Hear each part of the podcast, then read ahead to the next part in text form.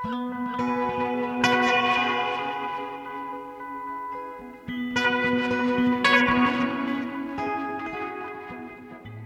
og sæl, kærlustendur, Halla Harðardóttir og Jóhannes Ólafsson heils ykkur hérna úr hljóðstofu Vísjár, 5. daginn 4. mæ. Í þætti dagsins útvarp sem verður tónverk, fullorðið fólk og verðmæti andlegrar næringar. Sameinleg ástriða fyrir útvarpi er kveikjanað nýju tónverki kammerhópsins Ensemble Adapter sem frumflutt verður í Hafnarborg á sunnudag. Hópurinn sem stopnar var í Berlín 2004 skapar frumsamta nútímatónlist og einblinir fyrst og fremst á samstarf og samsköpun með fjölbreyttum hópi listamanna sem koma viðsvegarað. Allt frá stopnun hópsins hefur hann frumflutt hundruði verka og komið fram á fjöldaháttíða og tónleika um Evrópu. Í ár er Ensemble Adapter staðarlistarhópur tónleikaraðarinnar Hljóðana í Hafnarborg.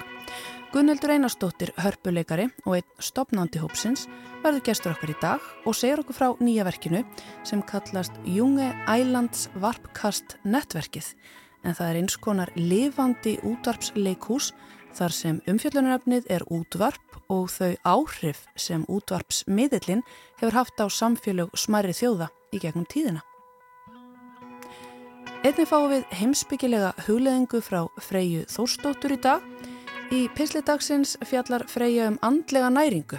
Það er að segja áhrif þeirra verðmæta sem við sköpum fyrir hvort annað í listrænu og menningarlegu samhengi.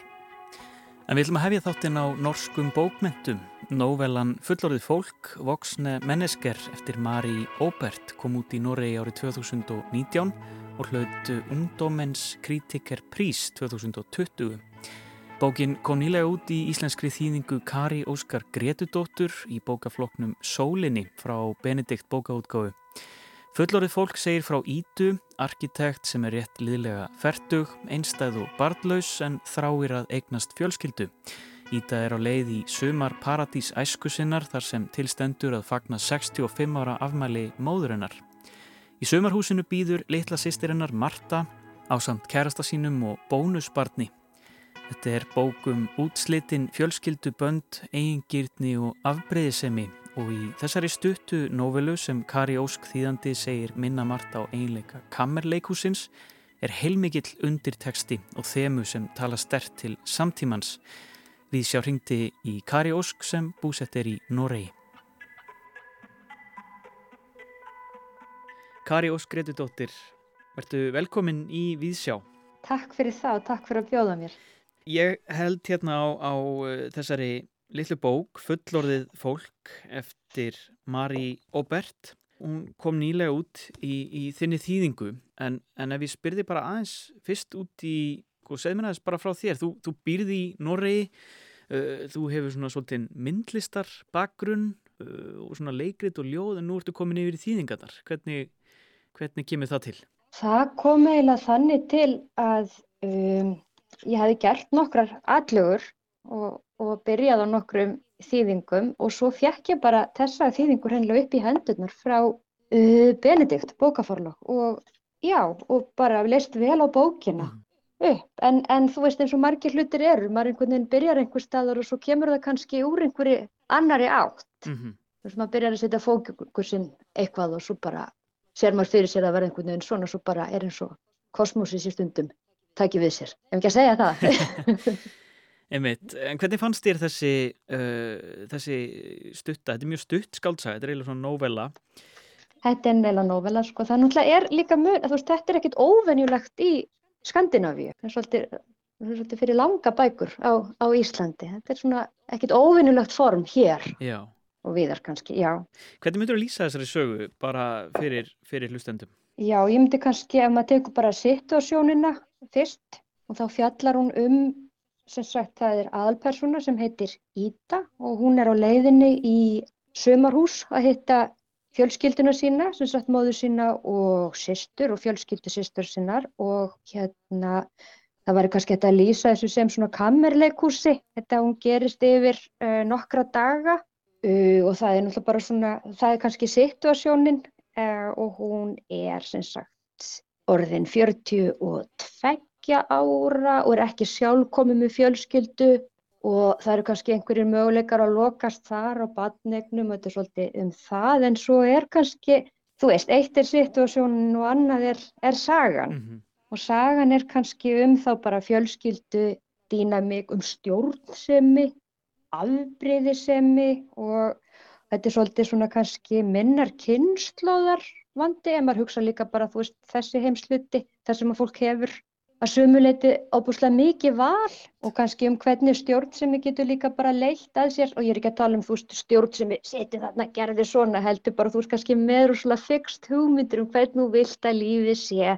Þú ert að býða eftir einhverjum kjöraðstæðum og kannski bara sko hvað þú ferð á misvið líka í, í því og, og þú veist, verði að gera væntingar til annara, berði saman og það kannski skilja sér bara í mjög miklum einmannaleika en þú veist, svo er þetta náttúrulega bara hver, hver les bókin á sinn hátt. Einmitt.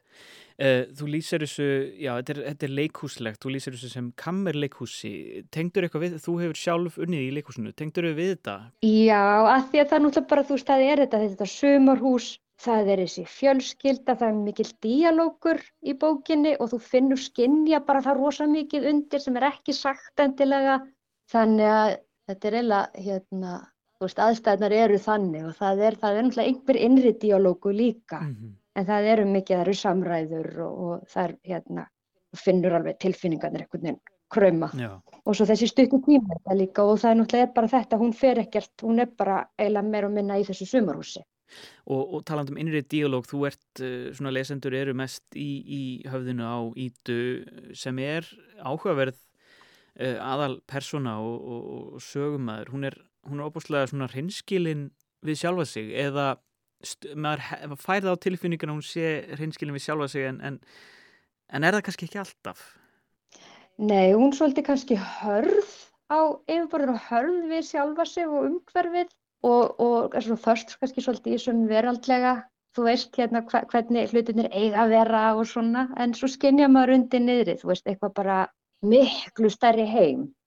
En svo það sem að náttúrulega eins og segir uh, það sem að er uh, kannski einn af svona likil þemunum í þessari stuttu sögu er, eru badneignir og, og þarna uh, er fólk með alls konar tengingar við hvað það, hvaða merkingu það hefur fyrir fólkið en, hérna, en þarna líka kynnslóðamunur sko að því þú nefnir þarna að fólk hefur val og þarna kemur mhm. umræðan sko um, um að konur fristi egg konur hérna, allavega svona einmitt í Noregi og Vesturlundum eignast börn miklu setna en áður uh, og færri börn og þarna kemur frjósemin inn í og maður svona, maður skinnjar að þarna er uh, já, svona kynslu og munur og þarna eru samskiptin við mömmu þeirra hennar og mörtu og, og þennan stein.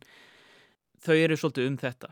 Já, þau eru, það er svona, já, mjög mikið um, um þetta og maður líka sér kannski kynnslóðmunin líka, ég fór að hugsa líka bara um hversu sko konservatív og marganhátt mín kynnslóð er og kannski líka yngri kynnslóð og ég hérna fór að hugsa um, ég talaði um mjög skemmtilegan amerískan rítöfund sem heitir Vivian Gornick, hún er bara alveg að verða 90 ára. Um, og vann skrifaði fyrir Village og þú veist var feministi og er feministskilur og hún sagði bara þú veist, akkur er það að gera allt það sem við vorum að reyna að losna undan? Ég er ekki með svar við þessu en mér finnst það einhvern veginn líka bara mjög áhugavert það er þessi, þessi... fjölskyldum mótgildi mjög, mjög hefðbundi í raun og veru allavega sem að íta sækist eftir þá. Já, og þessi krafa um sko ringrásina að það sé um, alltaf einhver sko arftaki og, og uh, næsta kynnslóð geri alla sömu grunn hlutina en þetta er, þetta er samt kannski einhver leiti að breytast og, og, og þetta er náttúrulega svolítið hluti af því og líka þessi umræðu um að, um að fólk eignist ekki börn uh, mjög meðvitað. Já. En þarna verða samt uh, þessi, þessi átök sko og þau ræða um það hvort að þetta sé sko það sem að þau virkilega vilja að því að svo eins og bara í, í upphafi bókarina þegar Íta er í, er í rútu á leðinni og hún sjálf búin að vera sko í, í uh, hérna, frjósemis klínik sko og hérna gangi gegnum það allt saman þá er barni í næsta sæti í rútunni sem að er að hlusta á iPad ógsla hátt og, og og hún maður fær á tilfenguna að henni finnist börn ekkert rosalega spennandi. Já, þetta er náttúrulega ákveðið dílam og svo eru þetta hlutinni líka bara akkurat þannig. Það eru mótsakna kendar tilfinningar bara gagvart öllu. Akkurat. Fjölskyldinu sérstaklega kannski í, í þessari sögu.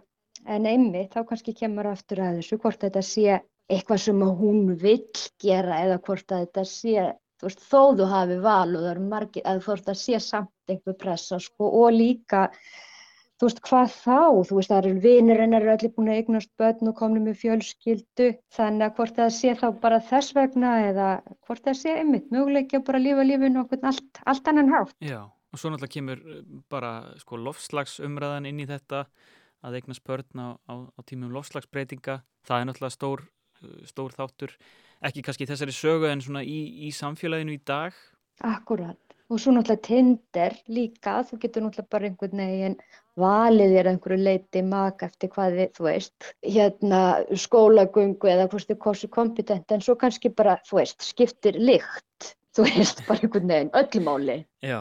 Það kemur líka inn í þessi umræða um, um sko, stjúp fjölskyldutengsl, það er náttúrulega, það er leiðrétt hérna alveg, alveg snemma í bókinni að þetta er auðvitað kallað sko, bónusfjölskyldur og þú þýðir að þannig sem hérna, þetta, er, þetta er ekki stjúpneitt. Er þetta, er þetta hérna, algjörlega algilt að kalla þetta bónus út í Noregi? Það er að bara alltaf tala um bónusbörn og bónus, bónusmömmur. Bónusmömmur og bónuspappar, já. Þetta er náttúrulega ákveði róf frá eldri íhaldsamari hugsunum um að fjölskyldan sé bara eitthvað eitt og, og geti, geti hreinlega bara ekki verið neitt annað og svona ákveðin leði til þess að svona, uh, horfa á þetta með öðrum og, og jákvæðari og fjölbreyttari augum. Já, algjörlega, sko, svo er það náttúrulega bara líka orðið mjög algengt, að, ég veit ekki um þú náttúrulega hvað farin að tala mikið um frjósum, en þú veist að, að kallmenn til dæmis eiga, þú veist, bara mörg hól, þú veist, þeir koma alltaf aftur, yeah. bara þegar þú veist, frjósum við þeirra eru öðruvísi, að verða mörg bónusbönn, en svo er þetta náttúrulega líka bara við, viðkvæmt mál,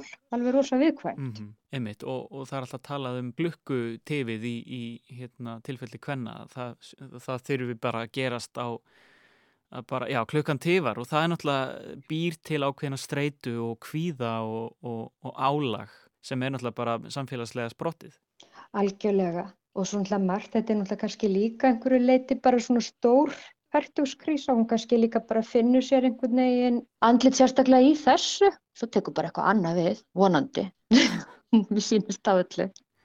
En samskipti sko uh, Ídu og Mörtu, sýstrana, þau eru, þau eru virkilega svona, já ef ekki bara segja óheilbrið, þau eru, þau, þetta er ekki góð samskipti og það er eitthvað meira sem liggur að baki, þú veist, það er þessi afbreyðisemi um barnegnirnar en það er augljóslega eitthvað annað hægt að lesa þarna mitt í línana, það eru, það er í erfiðum samskiptum strax frá upphafi. Það er það og ég held að það snúist kannski líka einhverju leiti bara um þrá aðalpersonunum eftir, eftir umhyggju og, og, og hlýju einhverju leiti.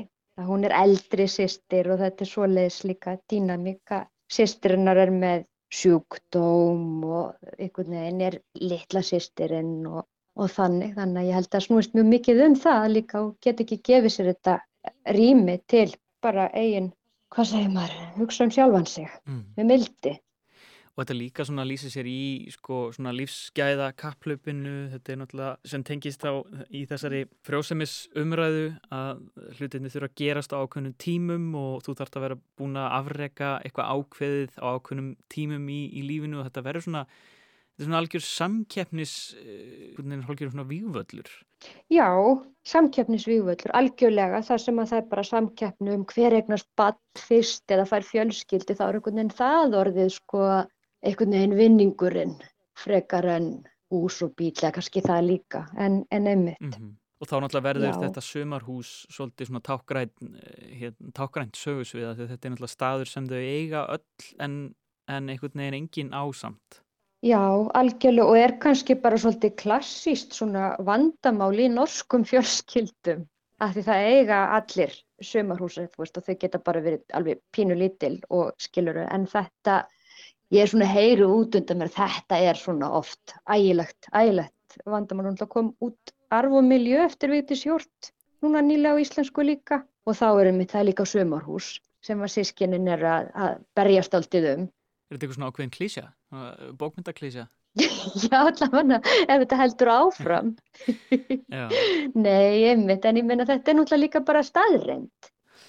En þetta er náttúrulega, uh, svona rauði þráðurinn er náttúrulega þetta hennar, hennar saga, saga ídu og, og, og hvernig svona maður vil vita hvar hún lendir.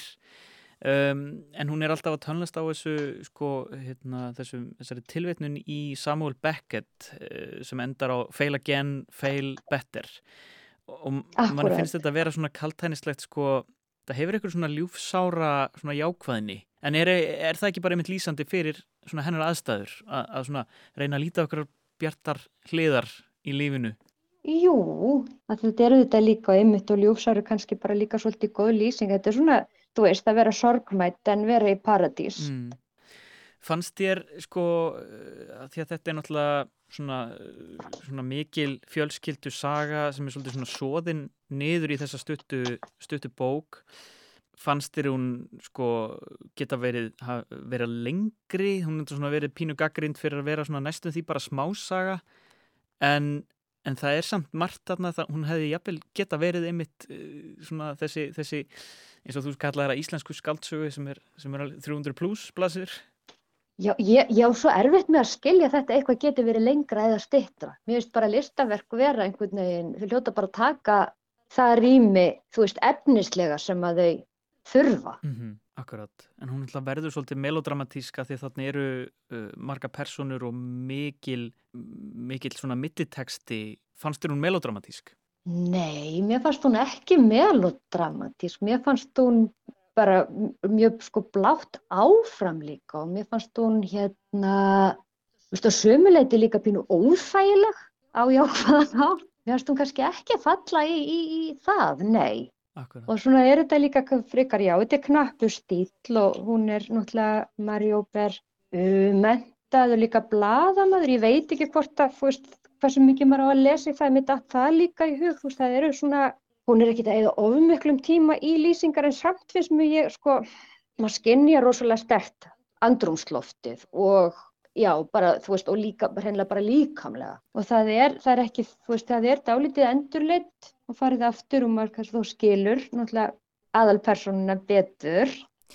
En svona bara til að, uh, til að slúta þessu, sko þessi titill á, á bókinni, fullorðið fólk, hvernig, svona, hvernig finnst þér hann lýsa þessari sögu? Er þetta, er þetta, er þetta kaltæni? Er þetta, þetta fullorðið fólk? Verður við nokkuð tíma fullorðin?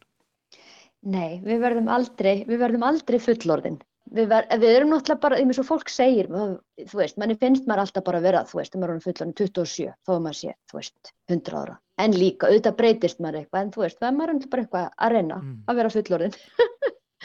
en ég veit ekki hvort það sé kallt, en ég held að það sé bara, þú veist, líka einhver svona staðreind. Svo eru við misfullorinn, stundum eru við fullorinn og stundum eru við ekki fullorinn. Og...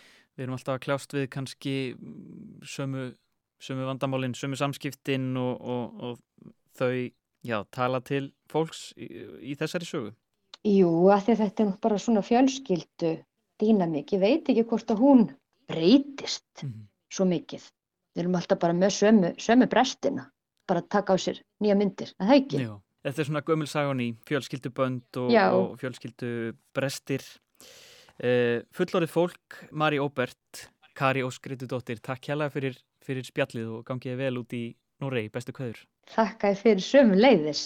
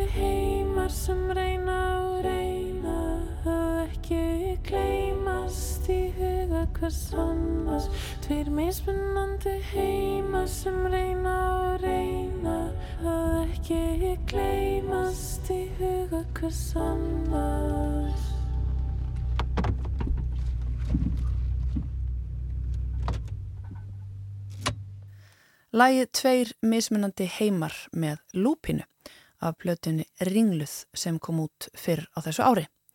En þá er komið heimsbyggi vangaveltum Freyju Þórsdóttur. Í pisli dagsins fjallar Freyja um andlega næringu og áhrif þeirra verðmæta sem við sköpum fyrir hvert annað í listrænu og menningarlegu samhengi. Hvað er þetta? spurði vinkona mín þegar við, stattar í Karuki-afmæli, veltum fyrir okkur áhrifamætti tónlistar meðan tilþrýfarík innlifun misfagmanlegra söngrata breytti úr sér í bakgrunninum. Þótt okkur lægi mikið á hjarta, síluðist orðin á hraða skjaldbökunar. Að reyna að ná utanum áhrifamátt listarinnar með tungumólunu er dálítið eins og að reyna að grýpa vindkviðu sem reyfir trjágrein. En orðin rötuðu aður lokum til vinkonu minnar sem útskýrði fallega hvern hún hefði nýlega farið á tónleika og verið svo hærð anspænis flutningi söngkunnar að hún uppliði djúft þakklæti, hálgerða lotningu. Breyskar en sannar karukirættunar heldur sínu streiki og uppskáru í bland fliss og aðdánar andköf. Ég hafði á orði að upp á síðkastið hefði ég verið að velta fyrir mér fyrirbærinu andleg næring. Þá á ég við innihald fæðunar sem sest ekki svo glatt á mjöðmyndnar en fóðrar og umbreytir innri veruleika okkar. Fæðunar sem með því að hreyfa við ykkurju djúft innra með okkur undistreikar að við erum ekki einungis efnislegar verur. Næringunar sem finnst í listum, bókmöntum, hönnun, heimsbyggi og öllu því sem gerur okkur kleift að lifta andakvars annars, skapa sameigilega merkingu og dipka tengslinn. Mátt þess sem er ytri heiminum dölið, uns við færum það í form og gefum það frá okkur, svo aðrir geti móttekið. En með andlæri næringu á ég líka við mátt þess ásetnings sem liggur að baki þeirra verðmæta sem við sköpum fyrir hvort annað. Hvað ef það er ekki aðeins atriði eins og næmt fegurðarskinn, hæfileikar og dugnaður sem skipta máli í sköpunafærli? Hvað ef andin sem verk er skapað í skipti máli? Verk óháð formi og innihaldi öðlist eitthvað sérstakt þegar fræið sem það vex úr er gjöfull ásetningur sem þýðir samt ekki að það miðli nöðsynlega ykkur notalegu. Innihald listaverk starf til dæmis ekki að vera sætt eða mjúkt. Listamæður getur unnið með allt tilfinningaróið og leitt viðdagendur sína inn í myrkustu skúmaskot mannlægrar tilveru en ef verkið er skapað í því skyni að lifta öðrum get áhrifin verið tilfinnanleg. Það er jafn auðvelt að líta fram hjá anda eða ásetningi og það er að skema yfir litadýrð rósarunna á þess að pæla í rótarkerfi blómana ofin í moldinni. Hægt er að líta á það ósýnilega sem aukaatriði en það breytir því ekki að það var allan tíman partur af ferlinu og verður alltaf partur af verkinu eins og engin ró stendur upprétt nema vegna þess að hún ógs fyrst undir sínlegu yfirborði. Adorno skrifaði eitthvað á þann veg að sönnmerking þess að gefa feli í sér djúpa íhugun á því hvað getur með sanni glatt þann sem gjöfin er ætluð. Að hugurinn á bakvið umbreyti gjöfinni sjálfri. Það sem er gefið á vélrænanhátt sem skilda eða jafnvel frá sjálfmiðuðu sjónamiði sé ekki gjöf á sama hátt og þegar þáttur umhyggju er sterkari.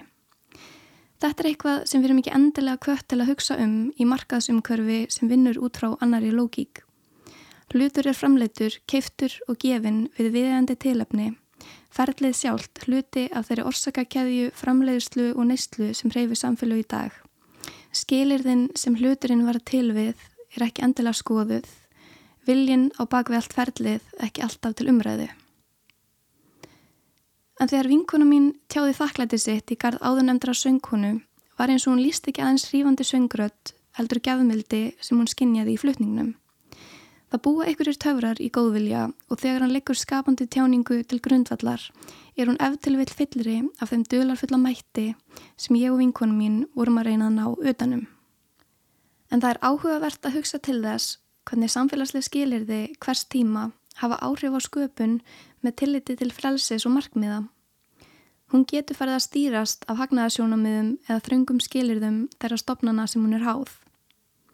Þegar eitthvað er skapað og gefið út af þeim forsendum fyrst og fremst að það passi inn í ákveði markaðsumkörfi bitnar það á frjálsum ásetningi.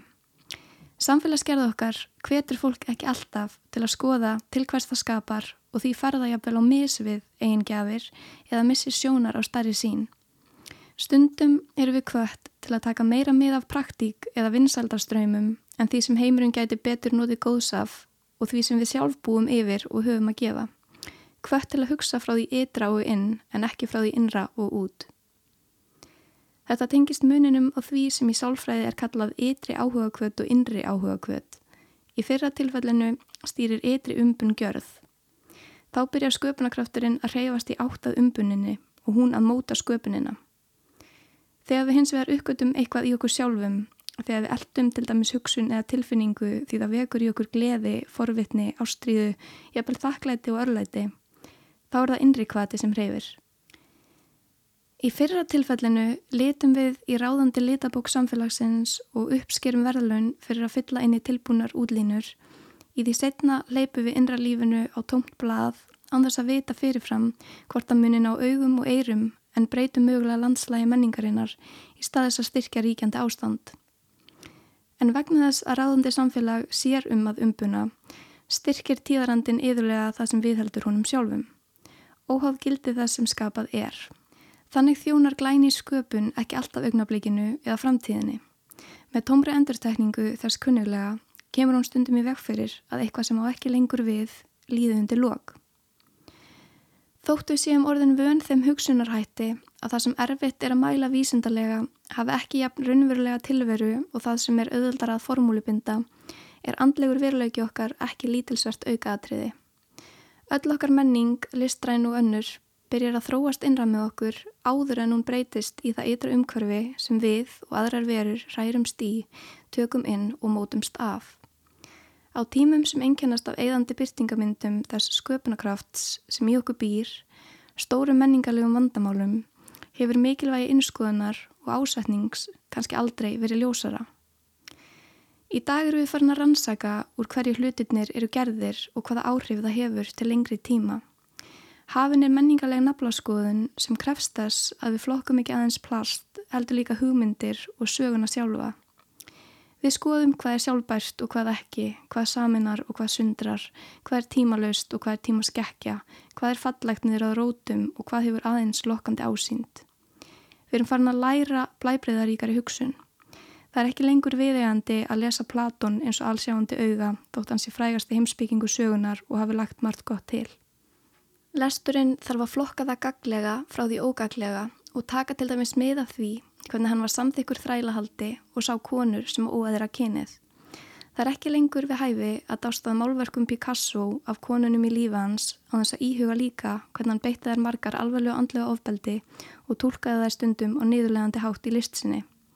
Það er ekki lengur viðegandi að setja hátísku á stall ef framlegslan er óumhverfisvæn eða byggir á mannrettindabrótum.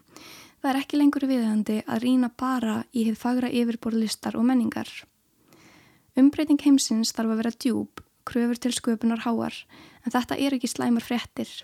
Krafa um betri ásetning er krafa um betri verk, fyllri af innrifegurð, líklegri til að standast tímans tönn. Ef Platón hefði skapað heimsbyggi lausari við mismunun, ef Picasso hefði sínt konunum í lífi sínu virðingu og ást, ef framleiðsla samfélaga heimsins á fötum og öðru hefði síðust áratögi tekið mið af hagsmunum jarðarinnar, þá myndi við ekki þurfa að setja spurningamerki við þessa hluti í dag.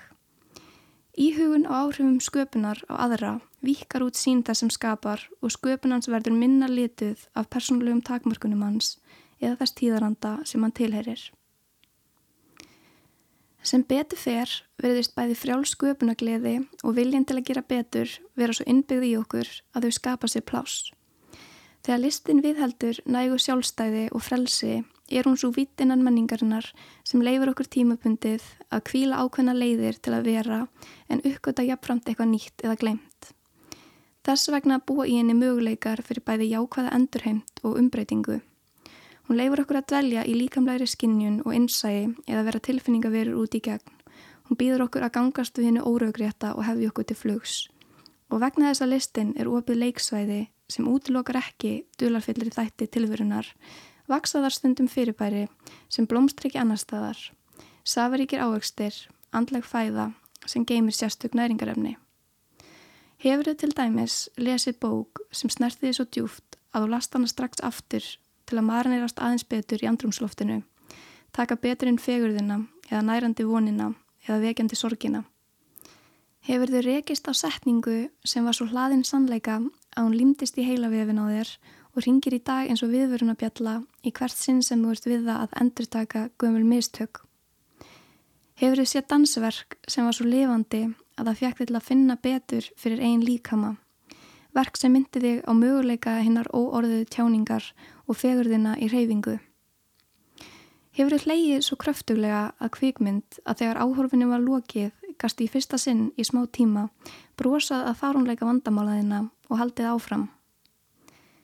Hefur þið uppgötað lag sem þú þurftir að spila aftur og aftur því það svalaði sálrænum þorsta. Lag sem hneftiði í álög en ólíkt sigruðum orkudrykk eða skjámyndastreimi dópamínaði þig ekki bara upp eitt andartak og sneriði þig síðan niður í tilfinningarlega lægð heldur djúpnarði þig andlega áður en það sleppti þér. Og þá gegstu ekki í burtu með sigurvímið augu, skjáhálsríð og bóluna þrá heldur með beint bak og frumur mettaðar af gleði. Sagði Freyja Þórstóttir, peislahundur, en við heyrum meira frá henni á næstu vikum. En sameileg ástriða fyrir útvarpi er kveikjanað nýju tónverki Kammerhópsins Ensemble Adapter sem frumflutt verður í Hafnarborg á sunnudag. En hópurinn er staðarlistahópur tónleikaraðarinnar hljóðana í Hafnarborg.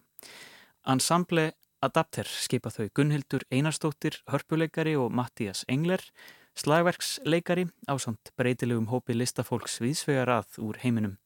En allt frá stopnun hópsins árið 2004 í Berlín hefur hann frumflutt hundruði verka og komið fram á fjölda háttíða og tónleikum um Evrópu. Gunnhildur Einarstóttir leit við í hljóðstofu í morgun. And the Young Islands forecast through to midnight tonight. Zealand, west to 1016, became 5 or 6 later, fine occasional showers, moderate, good, losing its identity. New Iceland. Iceland, as we know, is small, egalitarian, punches above its weight, as the saying goes. And along with New Zealand, is pretty much the safest country to be in in the event of nuclear war, if anywhere would be safe then.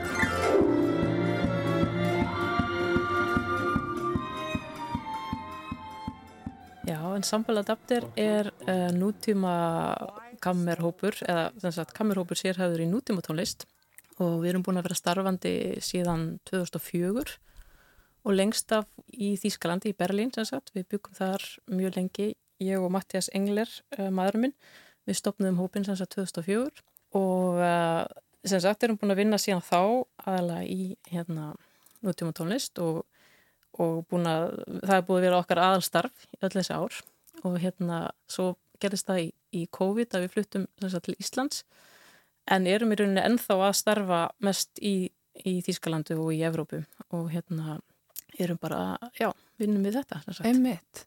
Ótrúlega gaman að heyra af því að, að sko, tónlistafólk geti lifað í 20 ár á því að búa til, þetta er leiðið mér að segja frekar framústefnuleg nútíma tónlist Al Algjörlega, það er náttúrulega alveg einstakt og bara því lík forréttindi að hafa að, já, að fá að gera þetta. Þetta er svona okkar aðal áhuga svið sem, já, og að geta starfa við það, það er náttúrulega mjög óvinnlegt og ég held kannski að Þískaland sé eitt af fáum löndum bara í heiminum þar sem þetta er í rauninni hægt.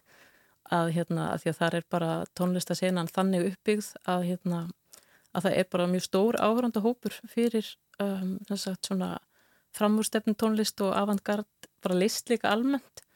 Og til dæmis sé ég líka mjög svona, það er mjög mikið að já, þú veist, einhvern veginn tónlistin flæðir meira út í sagt, listheimin líka mm -hmm. það er mjög mikið að okkar áhörandun til dæmis koma úr hérna vindlist og, og svona öðrum list, svona framúrstefnu listgreinum þannig að það er svona kannski svolítið öðruvís en hér Já, svona flæðandi landamæri Já, svolítið Einmitt. meira já. En e, sko nútíma tónlist, ef við tölum aðeins um hana mm -hmm. áður en við förum í það að heyra þessu ákveðna verki sem að já, það er nú kannski alltaf ég er búin að heyra hluta úr því og þetta er þetta mikill performance og kannski bara líka eitthvað skonar gjörningalikús Algjörlega, mér, einmitt fyrir mér er sko mörginn þarna á milli eru svo óljós, sagt, bara gjörningalist eða, eða tónlist eða jafnvel sko út í myndlist eða eða þú ert að hugsa um sagt, nútímalist að þá, eru, þá er þetta mjög svona óljós mörg þarna á milli, finnst mér. Og það er einmitt það er svo skemmtilegt eh, við nútíma tónlist finnst mér að hún getur verið svo rosalega margt, það er ekki, það er ekki bara eitthvað eitt, það, veist, það getur verið þessi rosalega akademiska avantgard hérna, gegnum samta mjög flókna tónlist en það getur líka verið um, já, bara leikús í rauninni eða gjörningur eða það getur líka verið, þú veist uh, þetta getur verið eitthvað mjög ljótt og mjög óþægilegt og eða það getur verið, umfyllanöfni getur verið alls konar pólitík eða það er bara alveg eins og þú veist, þegar þú ferð á, á nútíma myndlistasýningu, það er, veist, það er svo margt sem að það er svo, það er svo hérna, breyður skali þar líka. Það eru auðvitað sögum málverk sem eru bara guðdómulega fallega og mann langar að hafa henni í stofu en svo eru önnur listaverk sem að bara veki einhverju rosalega sterkar tilfinningar hjá manni en mann langar kannski ekki endilega að hafa það inn í stofu hjá sér. Og það er einmitt svolítið þannig sem ég sé sko nútíma tónlist líka það er svo, þú veist það getur verið eitthvað alveg guðdómulega fallegt þú veist sem að bara hérna, nærir mann einhvern veginn alveg inn að beini í sálinni, það getur verið eitthvað svona rosalega starfræðilegt sem að einhvern veginn hérna maður fær út úr bara á einhverjum svona starfræði nörda hérna leveli. En svo getur það líka verið eitthvað hérna þú veist bara mjög skemmtilegt eða fyndið þú veist það er líka húmor sem að, sem að kannski fólk gleymir líka stundum að það getur bara verið eitthvað hérna já bara það er svo ótrúlega margt og, mm -hmm. og það er sem er einmitt svo rosalega skemmtilegt að fást við að hérna að vera svona að geta að brúða sér í öll þessi gerfi einhvern veginn Þeir eru þetta bara nota ykkar tungumál tónlistina til að miðla ykkur áfram? Nákvæmlega, bara miðla umfylgjanur efnum sem okkur þykja áhugaverð uh, á hverju sinni og líka oft bara svona, það getur líka verið alls konar rannsóknir þú veist í rauninni eins og bara að rannsaka hvernig hljóð einhvern veginn er og hvaða tilfylgningar það, þau vekja og einhvern veginn. Mm -hmm. Þannig að það er mjög margt sem hægt er að fórstu.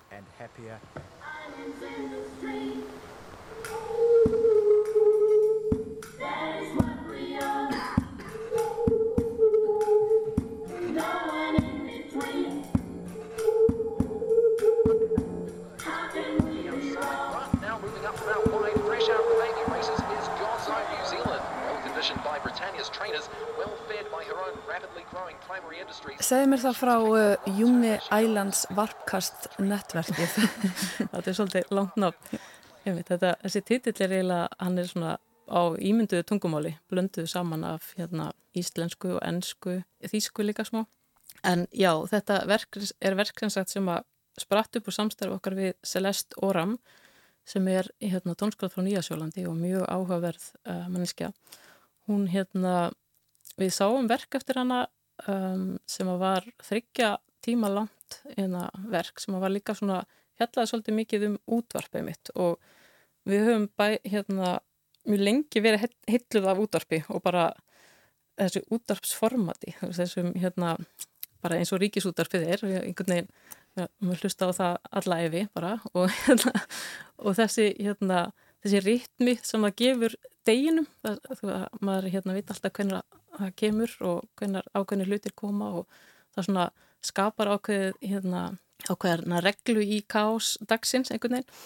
Og Celeste er önnum manneski sem er líka mjög heitluð af útvarpi og hefur notað það mjög mikið í sínum verkum. Og þetta var svona það sem að tengdi okkur tvö, eða þú veist okkur Adapter og hana var semst okkar ást á útvarpinu og ást á hérna svona ríkisútvarpi og þessum miðli sko.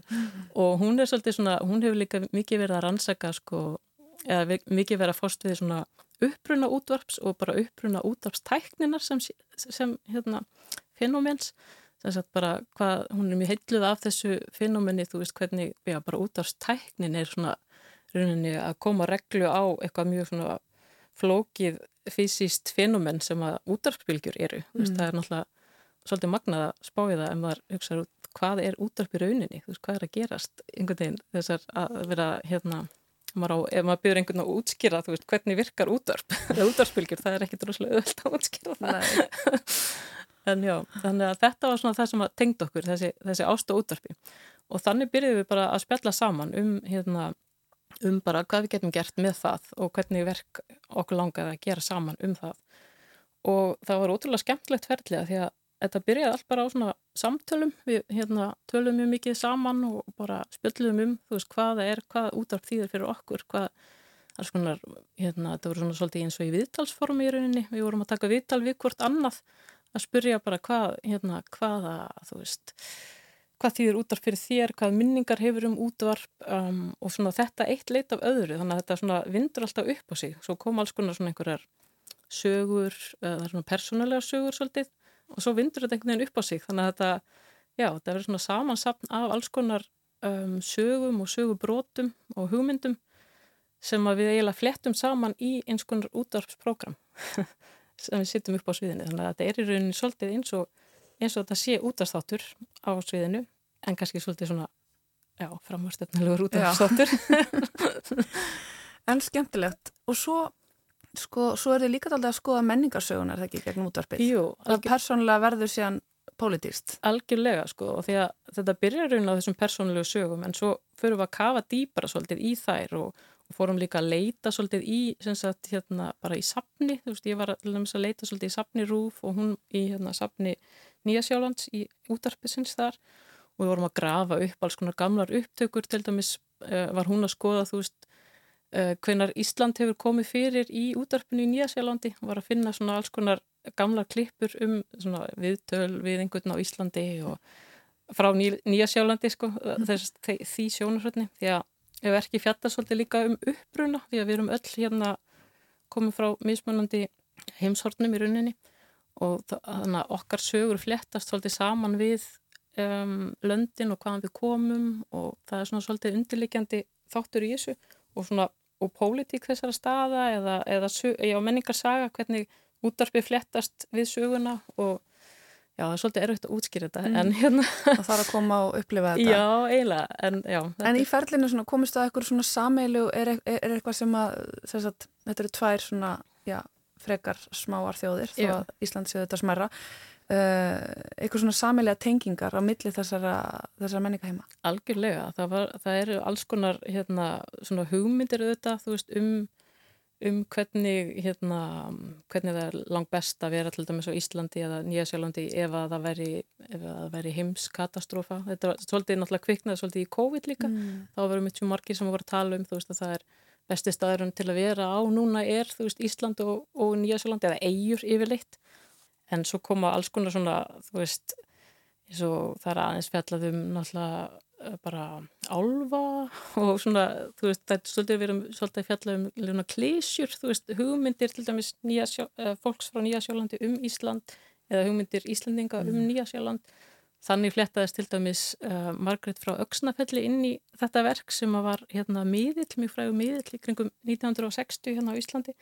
Hún sem sagt hafði talaði við álva og, og hérna sérstaklega við huldu, ákveðin hulduleikni sem að hérna hún hérna læknaði fólk í gegnum. Og ég fann sem sagt upptöku af viðtali við hanna frá 1960 frá útvarpinu. Og það var sem sagt upptöka frá áramóta þætti frá 1960 til 61 þar sem hún er að, hérna, er einmitt hérna einhverstaðar í þessu húsi að, að tala við hérna, þáttastjórnanda og lýsa sagt, öllu sem hún sér hérna inni eh, fyrir utan það er mjög skemmtilegt, það kemur mitt fyrir í hérna, það er mitt stjórnandins spyrina, já við sjáum hérna veist, mikrofóna og eitthvað en hvað sér þú? Hún lýsir til dæmis manneskum og litum og svona, það er alveg skemmtilegt en wow. það er alls konar svona, svona gerðsimar sem við höfum fundið í þessum, þessum báðum söpnum mm -hmm. sem er líka svolítið sérst að það er til svona rosalega stór söfn á báðum stöðum. Hérna náttúrulega í, á Íslandi í Rúf og Nýjasjólandi þetta er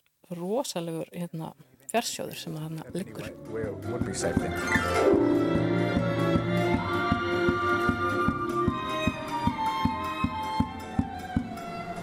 Gott kvöld, góðir hlustendur Why small countries are richer and happier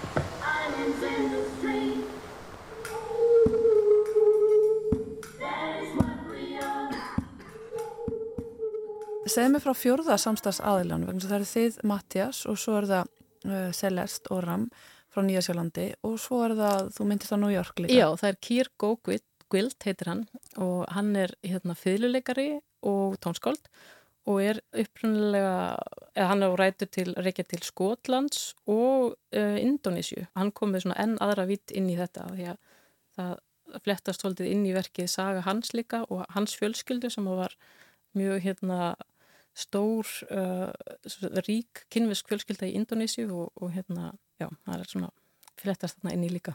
Þetta er mjög margþætt. Virkilega. En segð mér þá aðeins svona frá hvernig vinnir þetta, sköpunarferlinu bara, hvernig, hvernig komið saman og hvernig þetta verður til? Nákvæmlega, þetta er um mitt svolítið óvinnulegt að því að þetta er, svolítið, þetta er ekki svona þetta típiska hérna, tónskáld uh, flytjendur uh, ferli, heldur er þetta þannig að hugmyndin kviknar svona í rauninni í samtælu um milli okkar og Celeste og hún er í rauninni svona eins og leiðar í hópsins eða þannig en við vinnum þetta í rauninni allt í saminningu þannig að þetta er bara kviknar á, við byrjum á þessum viðtölum, þessum við tölum saman og svo uh, kvikna einhverju hugmyndir og svo koma, all, allir eru bara svona jafni við borði þannig að koma allir með hugmyndir bæði af tónlist og af alls konar texta eða, eða bara hvernig maður vinnum við textan og hérna þannig að við svona hendum hugmyndunum öllum á borðið og svo stundum kannski tekur einhver, einhver ákveðna hugmynd og vinnur hana lengur og áfram og kemur með hana tilbaka. Þannig að þetta er svona allt unnið í ákveðnu flæði sem er náttúrulega mjög óvinnulegt í þessum svona nútíma tónlistar geira en ég held svolítið svona meira eða er svolítið framtíðin held ég. Það er svolítið maður svona sér að það er ákveðin trend að færast í þessa átt og það er mjög, mjög mikið af fólki sem er að vinna mjög svona í svona náin, náinni samvinnu mm. sem sagt tónskáld og flytjandur og þannig að þessi mörk á milli sem sagt flytjandans og tónskáldsinn eru að verða alltaf svona meira og meira blurri sem er alveg rosalega spennandi hérna, mm -hmm. Áhugavert. Já, mjög áhugavert. Meira svona jafnbræðir en í sköpunarferðinu líka þá? Algjörlega. Það er náttúrulega til þess að reyna að skapa eitthvað virkilega nýtt þá þarf maður auðvitað að, að hafa svona rosalega, uh, já, að hafa fólk sem vil vinna með manni að því. Það er svolítið erfitt að gera það bara svona aðlit nút í hodni þó að séu auðvitað alveg líka hægt. En hérna Þetta er allavega eina aðferð. Þetta er eina aðferð, já. Þetta er bara svona svolítið önnur kannski bara svona grein innan nútíma tónlistarinnar sem er svolítið í þróun akkurat núna. Það er svolítið svona, það er alls konar fólk sem er að fástu þetta. Það er mjög spennandi. Fiery occasional showers, moderate, good, losing its identity. Svartan sandin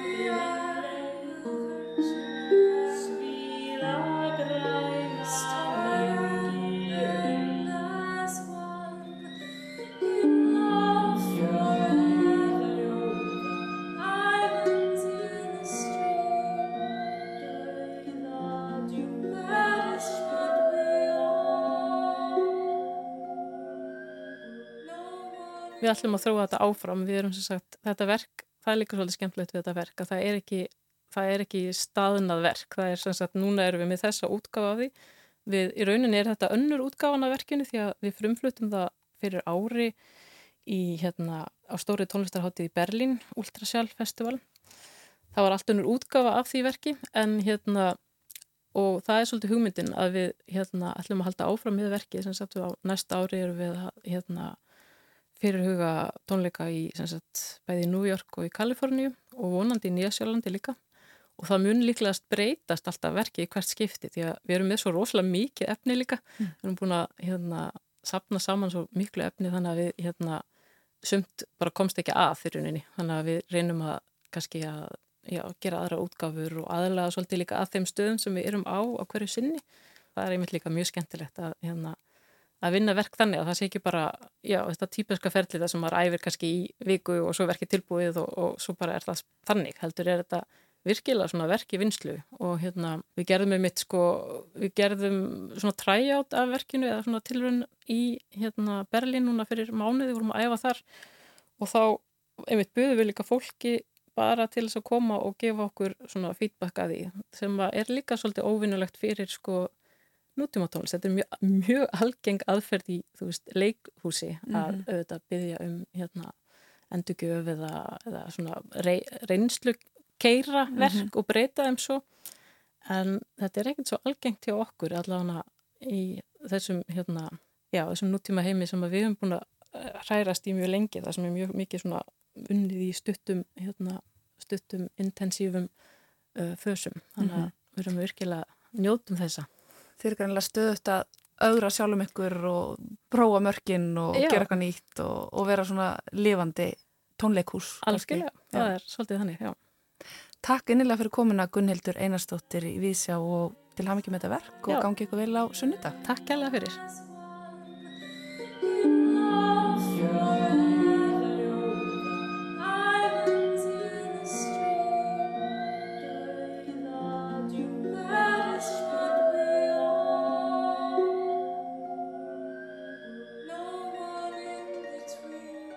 From one small country to another, go down Dayan from us. Good morning. Good night, good night, good night. Good night, good night, good night. End of transmissions for today. End of transmissions for today. Goodbye. Og þar með hefst nýr þáttur í sögu mannkins. Brot úr verkinu Junge Eilands varpkast nettverkið sem Ensemble Adapter flyttur í Hafnarborg næstkomandi sunnudag. Hópurinn er skipaður þeim Gunnhildi Einarstóttur hörpuleikara og Mattíasi Engler slagverksleikara. Gestir hópsins á tónleikunum verða þau Celeste Óram, tónskáld og flytjandi og Keir Gógvild, tónskáld og fiðluleikari. Flutt verður samstarfsverk hópsins Junge Eilands varpkast nettverkið. Svaka titill. Já, sannlega og þessum nótum ljúku við þættinum í dag, þennan fymtudaginn og þar með vikunni og við verum hér aftur eftir helgi. Takk fyrir samfélgina og verið sæl. Verðið sæl.